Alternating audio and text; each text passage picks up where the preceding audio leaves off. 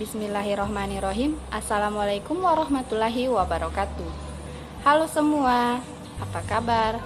Semoga kalian baik-baik saja ya Terima kasih kepada dosen pembimbing mata kuliah Teknologi Informasi dan Multimedia Ibu Nur Ihyana Wianti dan juga rekan asisten Kareski yang telah membantu kami dalam pembuatan podcast kali ini.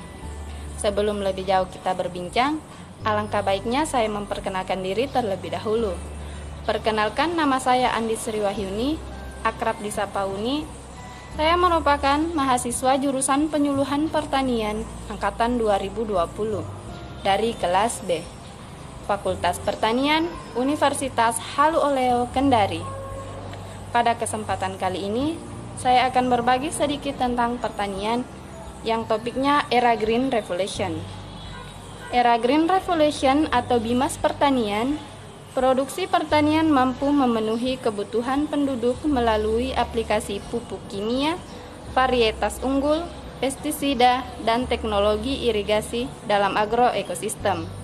Termasuk Indonesia, menyadari dampak lingkungan dan tidak efisiennya penggunaan energi dan bahan bakar fosil untuk memproduksi pupuk dan pestisida untuk produksi pertanian selama era Green Revolution memicu diubahnya paradigma dalam intensifikasi pertanian menjadi intensifikasi ekologi sebagai pendekatan pengelolaan produktivitas agroekosistem berkelanjutan, khususnya kepada petani kecil.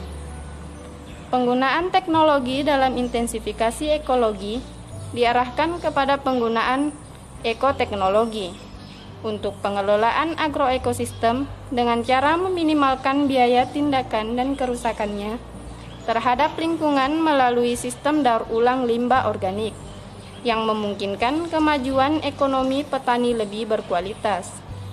Bentuk implementasi dari pendekatan ekoteknologi bidang pertanian di antaranya aplikasi biofertilizer mikroba dan biofertilizer non-mikroba yang meliputi kompos, komposti, biokar, vermikompos, ekstra rumpuk laut, dan campuran biokar kompos untuk perbaikan kualitas dan kesuburan tanah. Dan kinerja kualitas panen tanaman pangan dan hortikultura sehingga penerapan ekoteknologi sangat potensial meningkatkan kapasitas dan pengembangan kewirausahaan segala rumah tangga nasional. Demikian podcast yang sempat saya sampaikan pada kesempatan kali ini. Mohon maaf apabila ada kesalahan. Terima kasih kepada para sahabat pendengar. Sampai jumpa. Wassalamualaikum warahmatullahi wabarakatuh.